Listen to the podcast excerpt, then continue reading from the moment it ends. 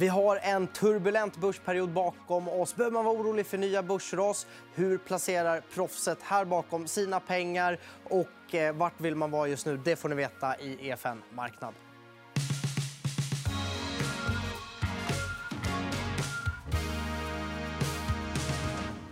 Ja, jag har med mig Jonas Thulin. Välkommen. Tack så mycket. Du, bruk, du brukar ofta vara ganska munter när du är här. och Det är jag mm. glad för, för det behöver man just nu. Mm. Eh, vi har en hel del att reda ut.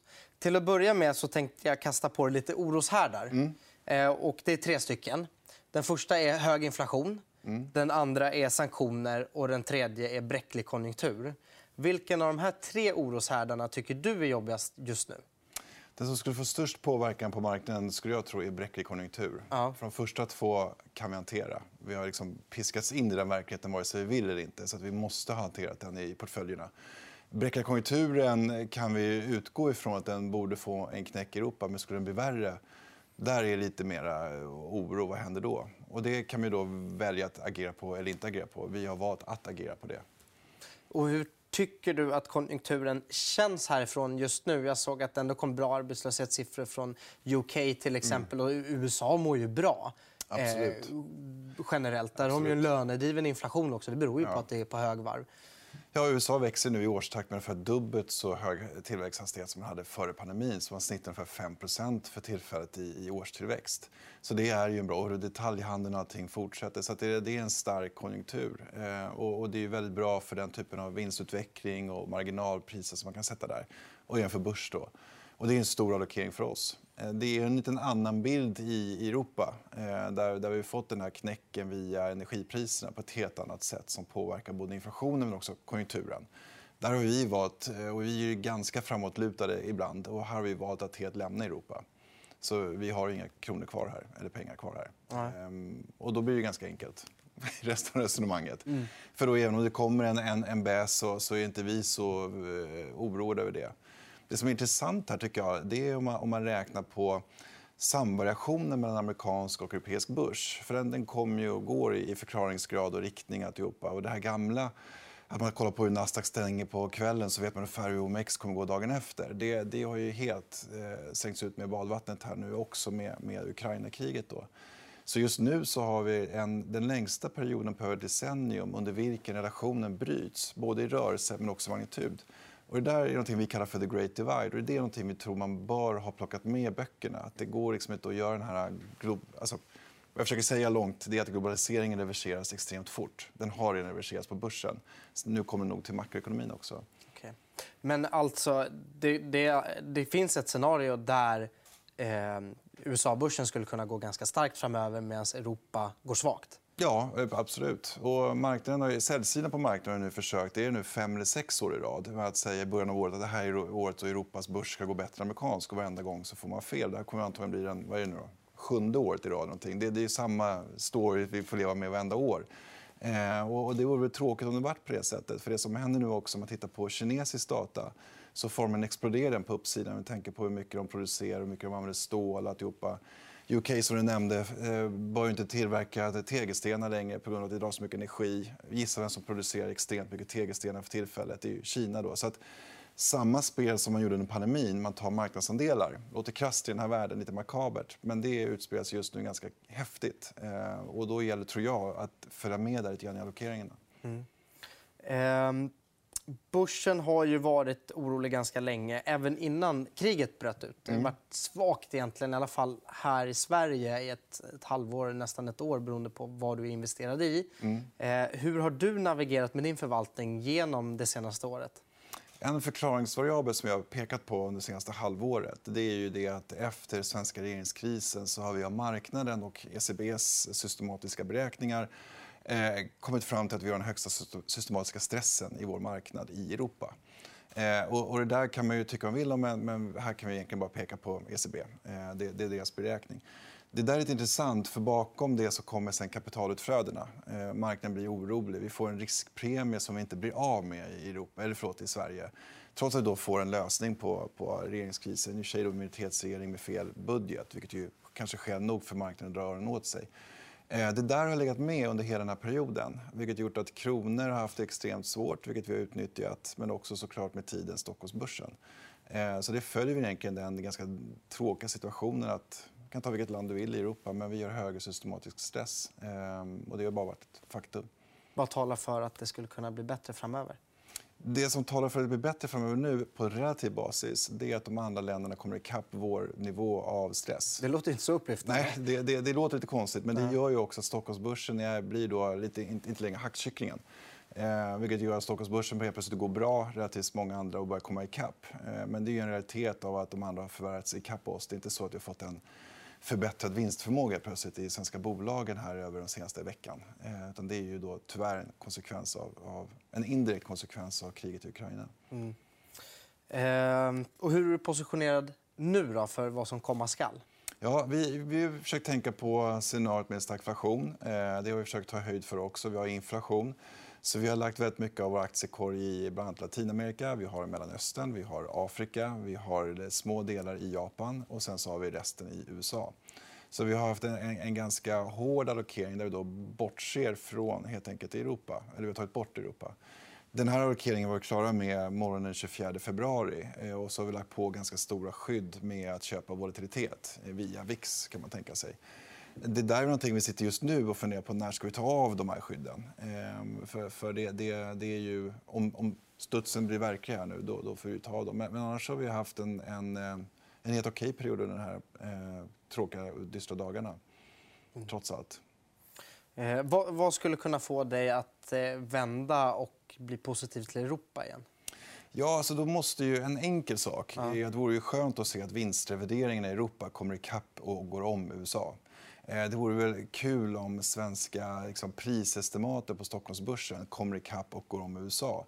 För tillfället så driver USA utvecklingen både på price targets och earnings revisions. Och, det är sån här enkelt att det, det vore väl skönt att se att vi, vi kommer ikapp och om.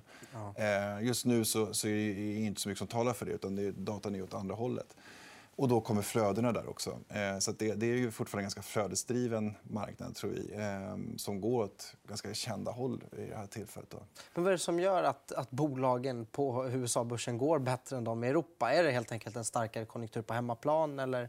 Ja, alltså ta en BNP som växer med 5 Det är en bra början där. En annan extremt stor faktor i det här tror jag, det är ju produktiviteten som man också kan härleda till såna makro, varning för makronörderi. Då, men då är vi nere på en marginal och totalfaktorprioritet vilket innebär att arbetskraften i, eh, i USA, man kan liksom härleda att de blir effektivare med nya it-satsningar. De blir smartare i en, en, i en grad som vi inte kan matcha i Europa. Eh, och, och, den där faktorn beskriver väldigt väl vad börsen tar vägen någonstans. Och den är extremt positiv i USA. Man klarar helt enkelt av att, att förädla sin arbetsstyrka på ett annat sätt än vi klarar av i Europa att göra. Eh, och, och, det där är ganska fascinerande, eh, tycker jag själv. Då. Och, och sitta och, och, titta på, för vi kan faktiskt mäta hur pass smart man blir med mobiltelefon, om man uttrycker lite, liksom, lite, lite, lite förenklat. Men den där faktorn är, den, den, trenden drivs väldigt hårt av vissa länder i Asien och USA. Här har då tyvärr Europa inte fått samma techresa. Och det kan man se också om man listar de 50 största techbolagen i, i världen. Det är inte många europeer där. Mm. Eh, och det har ju tyvärr en, baksida. Eh, likväl som man kan tycka om värde kommer tillbaka, eller bank och finans, som, då, då kommer europeisk börs ha en större chans att matcha. Eh, men det ser inte ut att vara så en tid framöver i alla fall. Nej. Men, om eh, höga konjunkturen biter sig och räntor börjar jobbas upp, kan inte det vara positivt för bank? Ja, det skulle kunna, man skulle kunna tycka det. Men, ja. men, relationen höga räntor och bank det är en sån sak som är, är om man, om man, ska vara lite krass så, så det är väl ganska många decennier egentligen sedan de facto man kunde räkna på det och säga att det här är konkret bevis. Ehm, Där har Erika i vår grupp gjort ganska mycket detaljerade, ganska roliga analyser för att visa liksom att ja, men det är mer en, en jargong. Det kanske inte är så jätteoptimalt att förvalta efter. Ehm, så jag tror att den ska man nog vara lite försiktig med. Jag tror att det finns andra segment som är lättare att ta på om man tror på inflation. Ehm, vi får inte glömma emerging markets exempelvis, som är en, en, eh, tror jag då, en bättre investering. Eh, nu är du ganska aktiv. Mm. Men om du var tvungen att ligga still, du får inte peta på tre år eller längre. Mm. Hur hade du positionerat dig då jämfört med hur, du positionerar, eller hur ni är positionerade nu? Då hade jag med bytt mycket- jobb. Då hade, du- då hade du bytt så, jobb. så hade jag positionerat mig till att börja med. Ja. Men eh, nej, det är extremt svår eh, fråga. Och det, ska man nog, det är en ganska bra för, eh, vinkel. För att egentligen allt det jag säger representerar ju sättet som vi har valt att skära världen. Med hur ofta vill vi ha uppdaterade signaler? Hur pass stressade vill vi vara för att passa vår förvaltning? Eh, som, som, som, eh, när man sitter själv och, och kanske tittar på som åskådare på det här programmet då måste man nog ta till sig det och, och man måste ju snickra om det så att det passar en själv.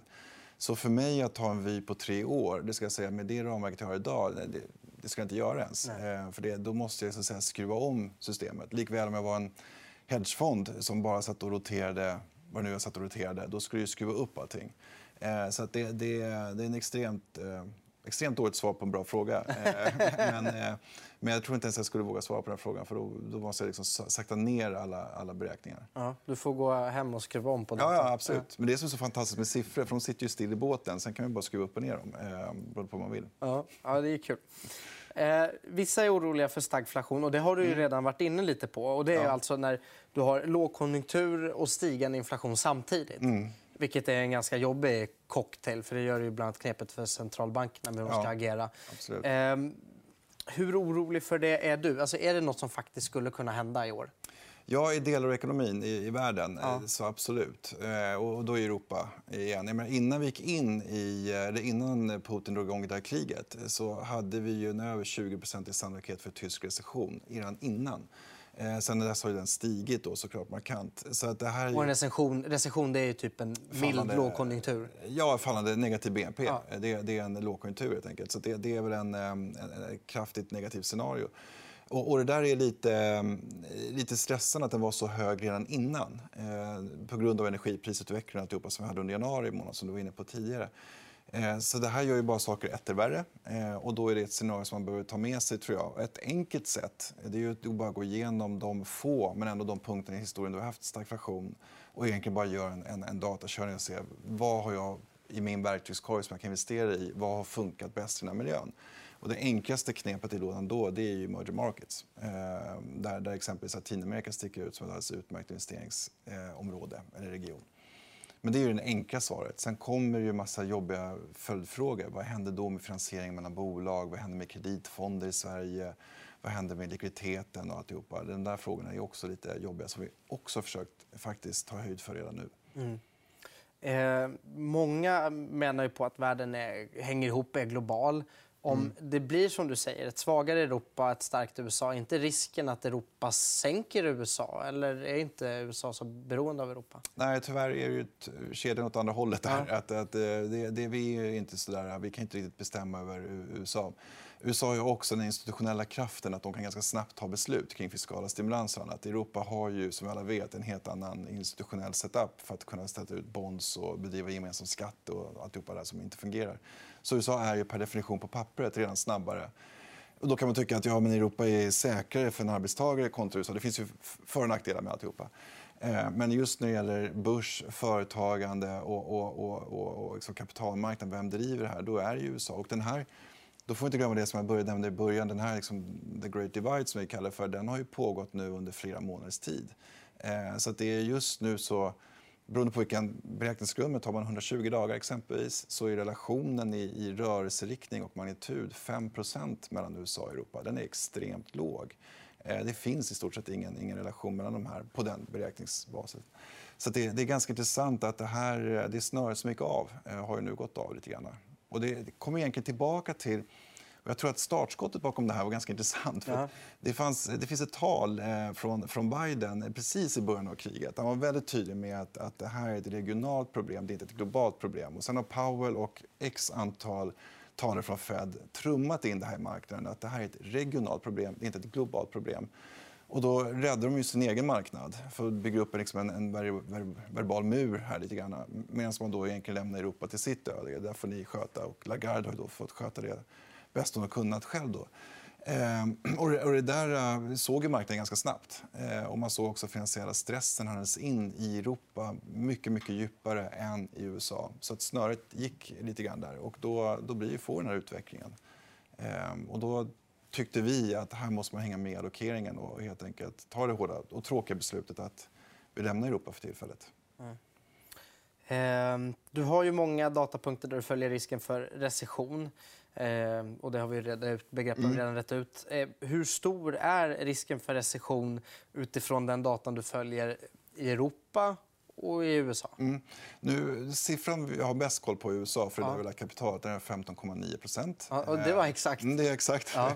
Eh, och eh, det fina med den siffran är att, att igår blev jag faktiskt klar med en ny liten modell här. Så nu kan vi förutse den här 15,9 procenten med ungefär ett och ett halvt års ledtid. Så nu är vi framme i 2023, 2024 och jobbar där kring en eventuell sättning i lågkonjunktur och inbromsning som ligger liksom inbakat i marknaden redan nu och börjar utkristallisera sig. Och det är där Fed ska börja sänka räntan också. Så att allting hänger ihop här någonstans i, i, längre fram. I Europa är den betydligt högre. Och där har vi ingen senare siffra än några veckor tillbaka. Och då börjar den tassa över 30% i Tyskland, som var 20 innan kriget började. Så där är, det helt annorlunda. Tittar på svensk BNP-indikator så har den, precis som indikatorerna, kommit ner ganska kraftigt. Där får vi vänta och se vad som, vad som ligger i, i, i korten. Då. Men det är ju två, inte diametralt, men, men det är två väldigt olika scenarier vi ändå leker med här. Vi har en exploderande Kina för tillfället inom stålproduktion och cement och annat som verkar ta för sig av marknadsandelar och försöker göra det. Och då USA som går helt okej okay till, till ett Europa då, som, som ju av förklarliga skäl har enorma problem med energiförsörjningen och produktionen och alltihopa. Det hände ju senast i Sverige idag att vår hållbara strålproduktion var tvungen att slå på halt för att de drar för mycket energi. Mm. Um, men i kölvattnet av det så borde man investera i, i förnybar energi. Det borde bli ett tillväxtområde. Där har vi valt att investera i ja, utanför Europa förvisso, men ändå som ett tema. Så det finns ju ändå förhoppningsvis lite ljus i lyktan där också. Och där borde det väl finnas en del politisk vilja, speciellt då i kölvattnet av att man vill göra sig mindre beroende av, av Ryssland att faktiskt bygga ut sina ja, egna... Liksom... Man skulle kunna tro det. Ja. Och sen så kan du slänga in Tyskland i leken och så inser marknaden att jaha, nu, nu kör vi det här repet igen då. Att ja. vissa i Europa vill gå åt ett håll och så ska alla vara överens och så har vi ett land som säger att nej men vi är lite för beroende så att vi tar lite sakta i backen. Och då går ju kapitalet. Eh, för lite grann, det kan man tycka är krasst och fel och makabert. Men, men, men, det är ju ändå så någonstans så tycker jag att amerikanska politiker är, är, är, kanske mer effektiva på att förstå att du måste faktiskt tävla om kapital och likviditet och finansieringsmöjligheter. Eh, där tror jag att det europeiska har, har, lite grann att lära på hur man väljer sina ord. Eh, man behöver faktiskt inte göra så mycket, man kan ju säga saker för att bygga upp en buffert och få De är bra på att prata over där. Ja, de är väldigt bra på att prata där. Och vi är lite... Eh, vi, ser på det här lite fyrkantigt kan jag tycka ibland från ett europeiskt perspektiv. Där vi gärna fastnar och deklarerar att ja, nu kan vi inte göra det för att Tyskland är emot och sanktioner med olja och gas och alltihopa. Men, men det är kanske inte riktigt så marknaderna hoppas på att få dialogen. Mm. Sen vet jag inte vad som är rätt eller fel ur politiskt perspektiv, men ur marknadens perspektiv så är det ganska enkelt. Eh, så för att sammanfatta då, eh, ekonomi och börs. USA framöver känns bra. Ja, absolut. Medan Europa sämre. Nu, nu pratar jag egen bok, så ja. nu hoppas vi på det. det, ja. det absolut så. Men, men, men däremot så du pratade om att du kunde se, eller ni försöker se ganska långt fram där i USA. Mm. Och att det kan vara en sättning vad sa du, 2023? Ja, alltså, i slutet av 2023-2024 så vet ju alla om att om Fed höjer så mycket som de har sagt att de ska höja och marknaden prisar in, ja. då kommer de sänka med, med drygt en halv procent ganska snabbt under Q1 2024 som är inprisat nu. Marknaden lägger in den sänkningen för att man inser att höjningen som vi nu ska börja ikväll här eh, kommer att bli för mycket för marknaden och för ekonomin att hantera. Och det är lite absurt att innan vi ens har börjat med första höjningen så har vi redan prisat in de första sänkningarna. Det är lite unikt och ganska intressant. Men det, ger, det visar ju också hur pass övergående marknaden tror att den här inflationspucken är. Och så ska vi då säga övergående med en stor nypa salt. För vi pratar inte om att den ska tillbaka till samma nivå innan. Det räcker med att den kommer ner och blir hanterbar så är Fed nöjda. Så det där, är, det där är ett ganska eh, intressant spel som just nu händer i räntemarknaden på att man prisar in då både en höjning och en sänkning och därmed en recessionsrisk, alltså en lågkonjunkturrisk. Då. Mm. Och sen kan man då slänga på kurvaturen i den här och få det, vad innebär då om kurvan blir negativ och alltihopa så är man igång med den här klassiska diskussionen. Mm. Ja, det blir spännande att följa det här. Tack så mycket ja, för att du kom hit, Jonas Thulin. Tack. Det var vad vi hade att bjuda på i dagens avsnitt. Har du tittat via Youtube, tryck gärna på prenumerera-knappen och tumme upp. Och tipsa en kompis om att kolla på det här om du tyckte det var intressant. Ha det fint så länge. Hej då!